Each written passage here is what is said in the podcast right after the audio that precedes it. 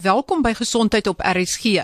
Ek gesels ver oggend met 'n baie spesiale gas daar uit die Vrystaat uit en ek hoop nie ek hou hom weg van die vrye fees af nie en dit is professor Jan van Sail. Hy's hoof van die afdeling gastro-enterologie. Dit val onder die departement interne geneeskunde van die fakulteit kliniese geneeskunde van die Universiteit van die Vrystaat. En die rede hoekom ek met hom gesels is omdat ons gesprek oor pankreatitis gaan. Nou ons almal weet dat die pankreas kan wel iets oorkom. Ons weet van diabetes as hy nie sy insulien voldoende maak nie en ons weet ook van pankreaskanker soos wat Luciano Pavarotti en Patrick Swayze aangelei het, maar minder bekend is pankreatitis. Professor van Sail, baie welkom en vertel ons sommer wat is pankreatitis?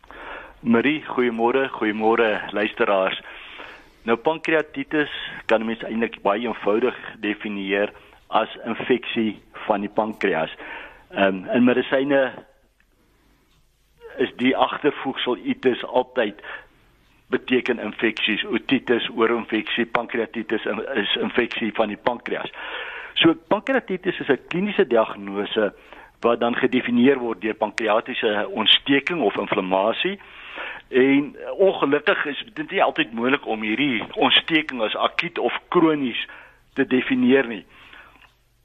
In medisyne sal ons dan praat van herhalende akute pankreatitis, met ander woorde, dis 'n akute aanval.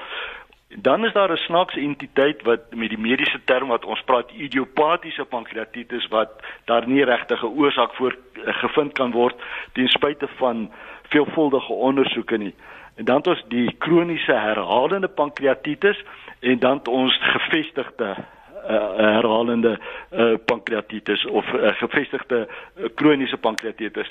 Maar ek dink vir die doeleindes van vandag kan ons net konsentreer op akute pankreatitis en kroniese pankreatitis terwyl die ander twee eintlik maar meer uh, vir die mediese belangrik is. En hoe algemeen of hoe seldsaam is dit om iemand 'n pasiënt te kry met pankreatitis, het sy akuut of kronies? Voorkomsyfers wissel. Dit dit hang af van waar 'n mens jouself bevind. Sekere dele van die wêreld het baie hoë voorkomsyfers, ander het 'n laer voorkomsyfer.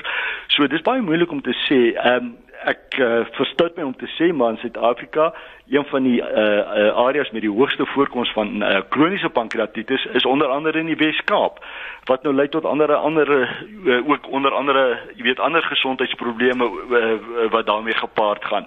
Maar ek het nie spesifieke syfers omdat dit so verskil oor die wêreld afhangende van die areas waar 'n mens is.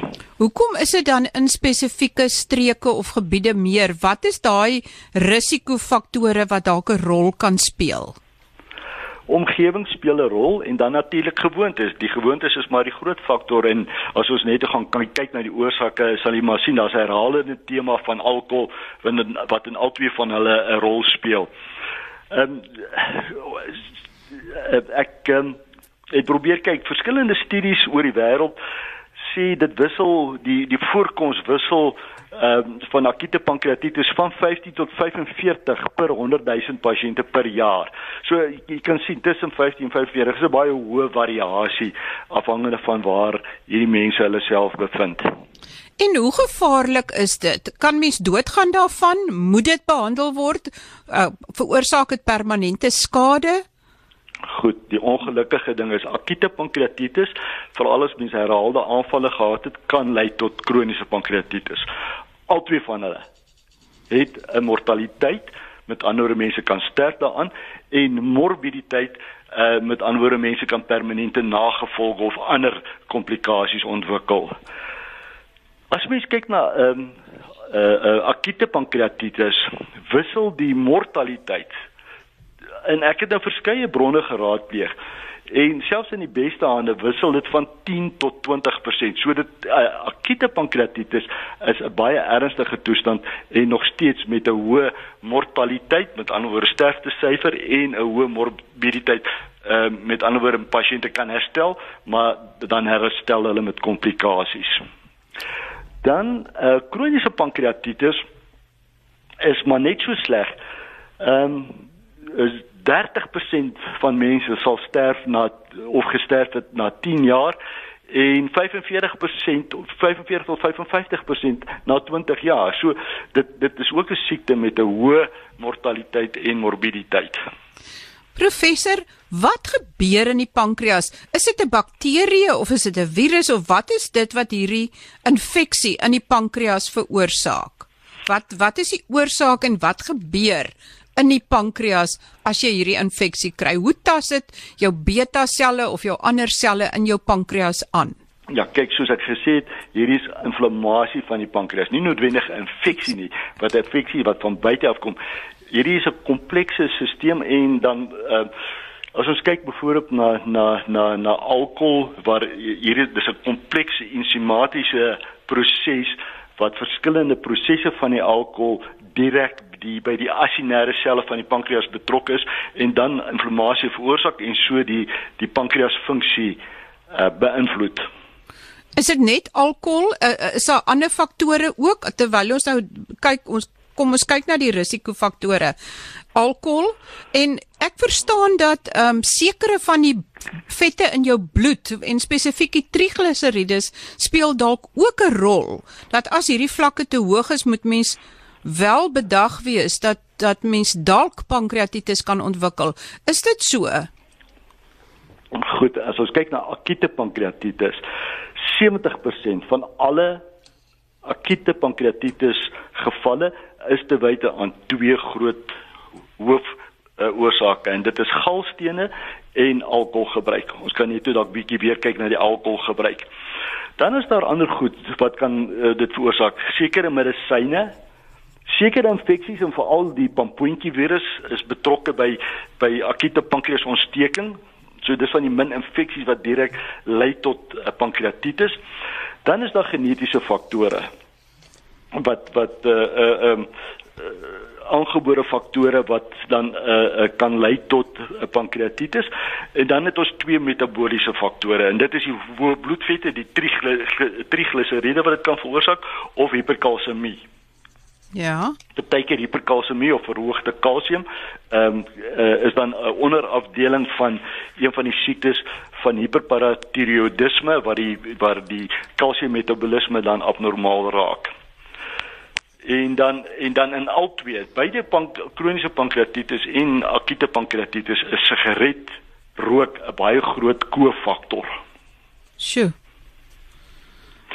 So dis nou die oorsake van akute pankreatitis. As ons kyk na kroniese pankreatitis, is daar weer nommer 1 op die lys is dit uh alkohol en dan 'n paar genetiese faktore en dan kom by kroniese pankreatitis kom hierdie aangebore siekte van kiestese fibrose kom ook baie op die voorgrond waar mense gebore word met abnormale diksekresies, hulle ontwikkel pankreasprobleme, longprobleme dikwels hoog op die voorgrond met allerlei longinfeksies en uh uh, uh bronchiektase met akute herhalende longinfeksies in mans as gevolg van die uh diksekresies ook uh uh, uh abnormale spermbeweeglikheid so hulle kan infertiel wees. So kistiese fibrose dan 'n uh, komplekse siekte met klomp ander tekens onder andere ook die pankreas. En dan uh, obstruktiewe goed en dan 'n rare ding wat ons maar kry in die trope is die sogenaamde tropiese die kroniese tropiese pankreatitis as gevolg van dieet uh faktore wat in die trope voorkom en dan weer eens terug die ander risikofaktor van sigaretrook en dan is daar ook outoimmuun faktore waar daar aangebore gebreke is in van jou immunoglobuline. Maar dit klink vir my as ek so luister dat dit 'n siekte is wat mens liewers nie moet kry nie. Maar hoe gaan mens dit uitken? Hoe ken die dokter dit uit deur bloedtoetse, deur kliniese diagnose? Hoe diagnoseer jy die siekte en wat is die simptome? So, akute pankreatitis het gewoonlik 'n redelike tipiese presentasie. Nou die oomblik as mens dit sê in medisyne, dan trap jy jou voet dwars daarin want niks in medisyne is altyd 100% tipies nie. Maar akute pankreatitis begin met 'n aanhoudende deurdringende boonste spysverteringskanaal-pyn. Ehm um, hierdie mense het gewoonlik erge pyn, hulle benodig sterk pynmiddels, ehm um, uh veral die opiate en dikwels gaan die pyn na die rug toe. So 'n pyn wat na die rug toe strek, 'n uh, erge deurdringende pyn na jou rug toe, moet jy alreeds 'n hoë indeks van suspisie hê dat dit aan die gang is. Wat wat en wat tipies is van hierdie pyn of gewoonlik is, word die pyn verlig as die mense in mekaar sit. So as hulle bietjie spanning van die buik afvat, in 'n vooroorposisie sit, dan kan die pyn verlig. Maar die pyn vererg met asemhaling as gevolg van die beweging van die pankreas deur die diafragma en ook met hoes. So dis akute pankreatitis. Hierdie mense is dikwels geskok, hulle bloeddruk is laag, hulle pols is hoog, hulle vogvolume is laag. So hierdie mense kom baie ernstig siek. Ehm uh, as hulle opstaan raak hulle duiselig en dan later in die ont ontwikkeling van die siekte kan hulle ook infeksie of sekondêre infeksie kry met 'n hoë koors. So hierdie mense is ernstig siek met akute pankreatitis, gewoonlik soos ek sê geskok en uh een van ons mediese noodgevalle wat dadelike aandag vereis. Kroniese pankreatitis kan meer 'n stadige verloop hê. Hulle kan ook episodes van pyn hê in die verloop van die siekte, maar die pyn raak gewoonlik minder soos die pankreas uitgebrand raak en dan ontwikkel hulle paar goed. Nommer 1 is wanabsorpsie. Hulle het nie meer pankreas ensieme nie.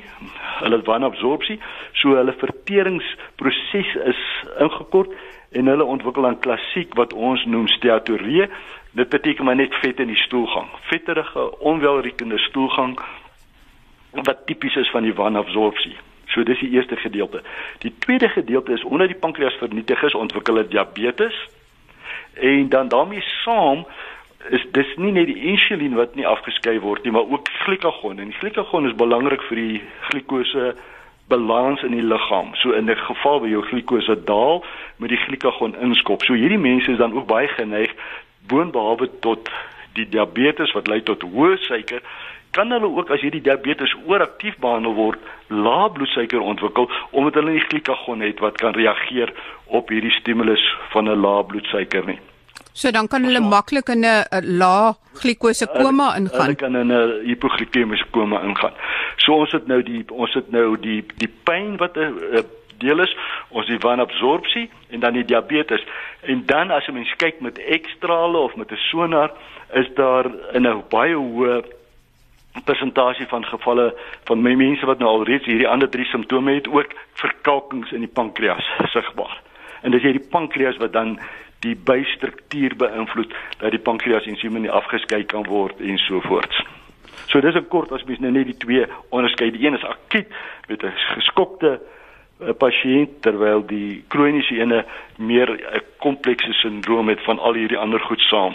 Sjoe, maar dit is dit klink vir my bitter ernstig en beslis nie 'n siekte wat ek wil kry nie. Maar as jy nou iemand dan kry, hoe behandel jy hulle byvoorbeeld in die akute fase voordat al hierdie ander verskriklike goed ingetree het? Hoe behandel jy iemand? Okay, so as ja, die die eerste goed kom ons begin met die akute pankreatitis. Die hoeksteen van behandeling, dit is baie interessant as mens gaan kyk na die geskrifte Uh baie jare gelede het Alexander die Grote na een van sy vele veldslae het hy die aand na die uh, veldslag sy oorwinning gevier en waarskynlik te veel alkohol gebruik. En hy het die oggend met akute buikpyn opgestaan en sy geneesheer het hom toe voorges het hom toe voorgeskryf om in die Efraatrivier te gaan bad en baie van die water te drink. Nou nou nog vandag nog is aggressiewe vogherstel of vogtoediening deur intraveneuse of binneaardse vog een van die hoekstene van die behandeling van akute pankreatitis. So baie vroeg uh moet die vogbalans herstel word. Dan pynverligting en dan gewoonlik om die pasiënte nie kan eet nie ook uh uh uh um, ondersteuning in terme van voeding uh en veral binneaardse voeding om te voorkom dat daar verdere komplikasies kom as gevolg van wanvoeding en so voort. Ja, en en en, en hoe lank vat dit dan voordat daar beterskap is of voordat die pasiënt begin reageer? Is dit redelik vinnig of vat dit 'n langer tyd? Dit dit hang af. Dit hang af van die pasiënt en van die risikofaktore. So as ons jy weet veral ehm um, In akute pankreatitis is daar sekere risikofaktore wat vir ons sê, jy weet, hier gaan pasiënt langer vat om te reageer of dit gaan moeilik wees of daar gaan komplikasies kom. Nou die goed wat ons gebruik om te voorspel is maar die ouer pasiënt, ouer as 60, die pasiënt wat ander onderliggende siektes alreeds het, pasiënte wat oor massa is, langtermyn swaar of 'n uh, 'n uh, uh, oormatige alkohol misbruik of verbruik en dan as die pasiënt al reeds tekens het van wat ons noem die sistem sistemiese uh uh, uh inflammatoriese respons sindroom, SIR sindroom, uh, presies wat ons sê sistemiese inflammatoriese respons sindroom wat hulle oormatig reageer op hierdie inflammatoriese stimule.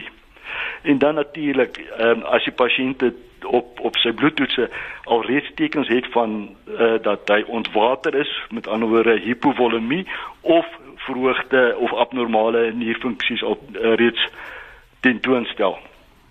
Ja. En dan by bykomende goed soos 'n uh, uh, vog in die longe en uh, ander uh, uh, infiltrate in die longe en dan daarmee saam 'n pasiënt wat deurmekaar is. Hierdie is baie slegte tekens as mens dit kry. Ja. So as as hulle hierdie tekens het dan verwag mense dat hulle nie so vinnig gaan herstel soos dan, iemand ja. sonder hierdie tekens nie. En daarvoor daarvoor het die geneesheer ons sekere uh skale of kriteria wat ons gebruik ons ons noem dit 'n uh, 'n uh, uh, beoordelingsstelsel in terme van prognose waarvan daar 'n paar is wat ons gebruik die sogenaamde Ranson kriteria die Apache 2 kriteria dis alles tellings wat ons gebruik om die risiko te bepaal van 'n pasiënt om dan die uiteinde tot 'n mate te probeer voorspel. Goed.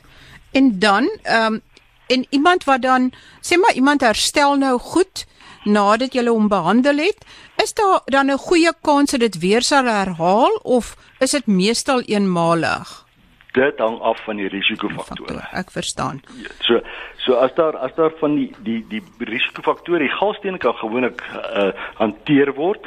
Die alkohol uh, die belangrike ding is die staak van die alkohol. So dit is dis die groot dis die groot ding wat gestaak moet word.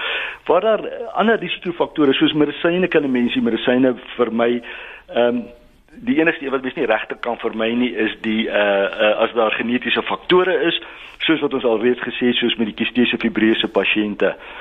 Dan ehm um, as daar jy jy het gesê medisyne uh, kan jy miskien een of twee voorbeelde noem van midde van die soort medisyne wat wat dan 'n risikofaktor is vir die mense met akute pankreatitis Ja, ek benou net dat die mense wat nou van hierdie medisyne gebruik nou op hol raak en dink hulle gaan nou 'n uh, eh, pakketitis kry van hulle medisyne.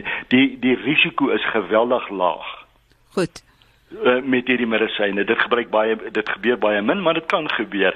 En dis dan veral van die bloeddrukmiddels wat wat mense gebruik, die uh sogenaamde angiotensin ontkennings enzim inhibeerders, so lank woord, maar ehm uh, hy het 'n bepaalde afkorting daarvoor, so ek kan nou nie handelsname gebruik nie. En dan 'n middel wat gebruik word, nou baie gebruik word in ehm um, uh artritis siektes soos reumatoïede artritis en in uh, inflammatoriese darmkanaal siekte azathioprin wat ook kan lei in rare gevalle tot pankreatitis en dan ehm um, dood een dood eenvoudig eh, sommige van die uh uh, uh waterpille wat dit kan gebruik en dan 'n ander pil wat ook gebruik word uh uh vir vir antibiotika uh um in die ou dae is dit baie gebruik. Hy is nog 'n sekere middels beskikbaar en dit is seker van hierdie middels wat sulfas bevat wat ook soms kan lei na pankreatitis. Maar weer eens ek wil vir die luisteraars onderstreep, dis baie rar en baie skaars. Ja, so moet dan nie wegbly van jou pille af nie ja. want dit is dalk 'n groter probleem as jou bloeddruk nie onder beheer is nie. As wat dit is dit die kans dat jy pankreatitis gaan ontwikkel. Presies. En die risiko, die risiko vir beroerte of 'n hartaanval vir jou bloeddruk is baie groter as jou risiko om pankreatitis ontwikkel as gevolg van hierdie bepaalde bloeddruk pil of die familie van bloeddrukpille wat ek nou nou genoem het. Ja. En dan met kroniese pankreatitis, iemand het nou akut ontwikkel en hy het risikofaktore, so nou begin hy uh, seker herhalend dit ontwikkel en dan ont, dan gaan dit seker oor na 'n kroniese staat toe. As hy eers kronies is, is daar bitter min wat 'n mens kan doen om die proses om te keer. Dan behandel ons die komplikasies. Ja. So ehm um, soos ek al reeds genoem het, die eerste is dan die is om die diabetes te beheer. Die idee van die diabetesbeheer in hierdie pasiënte is om nie optimale kontrole te bewerkstellig nie, maar die pasiënte se simptome van die diabetes te beheer. Die slegte eet, die uh, oormatige uh, urinering om daai simptome te beheer, maar ons mik nie vir optimale kontrole soos met 'n uh, uh, insulienafhanklike diabetes uh, die die sogenaamde uh, diabetes uh, tipe 1 wat dan insulienafhanklik is, jy sorg vir streng kontrole en daai tipe van goed. Maar die beheer van die suiker is belangrik in hierdie pasiënte, maar as jy te streng kontroleer, dan het hulle die neiging tot lae bloedsuiker of hipoglikemie wat ons moet beperk uh, weens die komplikasies daarvan. So diabeteskontrole, dieet en dan uh meestal het hierdie mense insulien nodig, maar hulle is nie insulien afhanklik nie. Maar onthou, hulle kan nie orale antidiabetiese middels gebruik nie want daar is nie insulien in die pankreas wat gestimuleer kan word nie. So meestal gebruik hulle insulien, maar hulle is nie insulien afhanklik in die sin van die woord dat hulle dit nodig het om te leef nie. Hulle het dit net nodig om hulle simptome te beheer. So dis die eerste groep uh, behandeling. Die tweede groep is pynbehandeling. Ja. Pynbehandeling in hierdie mense is baie belangrik, maar omdat dikwels die alkohol in die agtergrond 'n probleem was, is daar ook 'n hoë 'n moontlikheid van 'n uh, 'n opiaatverslawing in hierdie pasiënte. So ons is baie versigtig met die opiate in hierdie pasiënte en ons probeer alternatiewe metodes van pynverligting, antispasmodika en uh um alternatiewe metodes van pynverligting, fisioterapie ensovoorts en selfs pynblokke is dikwels vir hierdie pasiënte dan aangedui. Dan die wanvertering. Hulle het nie verteringsensieme nie, so hulle moet hoë dosisse verteringsensieme per mond neem. Hierdie is hoë dosisse saam met elke ete om te voorkom dat hulle verdere wanabsorpsie ontwikkel en verdere voedingsgebreke ontwikkel. So dis is dis in 'n nette dop diabetes met gewoonlik insulienbehandeling pynverligting sover as moontlik wegbly van opiate of hoë dosisse opiate as dit moontlik is en dan die wanabsorpsie hoë dosisse uh, orale ensiem aanvullings pankreas ensiem aanvullings Professor, dit is 'n kroniese pankreatitis klink nou 'n baie ernstige siekte en soos ek voorheen gesê het, iets wat mens beslis wil vermy. So as mens sou sê om dit te probeer keer. Is is dit dalk een van die belangrikste goed om jou alkohol matig te gebruik want mense assosieer altyd alkohol gebruik met lewerskade, maar nou lyk dit of dit net so goed met pankreaskade geassosieer kan word. Ja, en dit is dis die ongelukkige ding. Vir vir lewerskade is die alkohol verbruik baie goed gekwantifiseer. En ehm um, die van die wat nie weet nie, daar was altyd 'n onderskeid geweest tussen die hoeveelheid wat mans kan gebruik en vrouens kan gebruik om skade te ontwikkel. Dit is glad nie meer so nie, dit is presies dieselfde vir mans en dames en dit is 40 gram alkohol per dag.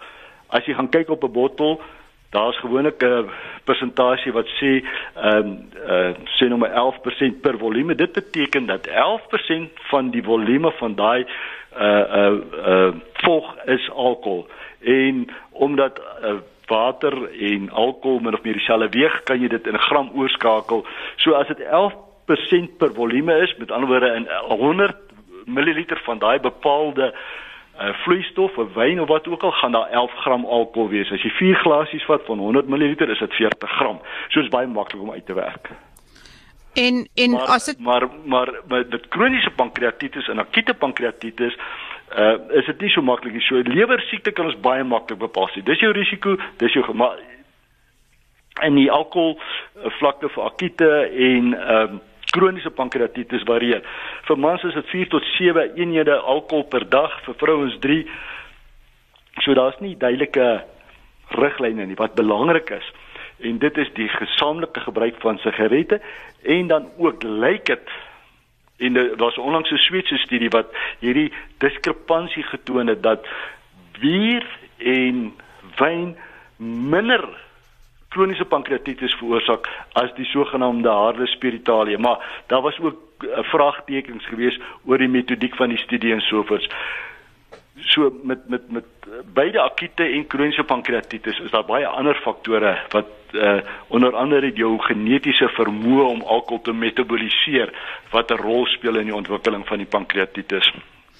En uh, professor met al hierdie inligting uh, wat u nou met ons gedeel het, as jy een enkele belangrike boodskap aan die luisteraars moet gee, weet amper soos 'n wegneem boodskap, wat sal dit wees? Wel, ek dink jy het alreeds daaraan geraak, Marie, en dit is nommer 1 matige alkoholgebruik. Ja. Nommer 2 moenie alkohol gebruik en rook nie. En nommer 3 as jy akute pankreatitis of kroniese pankreatitis het of gehad het, stop alkohol. Ek dink dis dis dis dis die enigste wat mens kan doen om hierdie siekte te modifiseer of die uitkomste modifiseer. Baie baie dankie professor van Sail, baie dankie dat jy jou kennis met ons gedeel het. Ehm um, elke bietjie help en ek hoop dat mense in die toekoms ook bedag sal wees dat uh alkohol en rook ook jou pankreas kan beskadig. S baie dankie professor. Uh professor Jan van Sail is verbonde aan die afdeling gastro-enterologie by die fakulteit vir uh, kliniese geneeskunde by die Universiteit van die Vrystaat en sluit natuurlik volgende week weer by ons aan wanneer ons weer oor gesondheidsake gesels. Groete van my, Marie Hudson.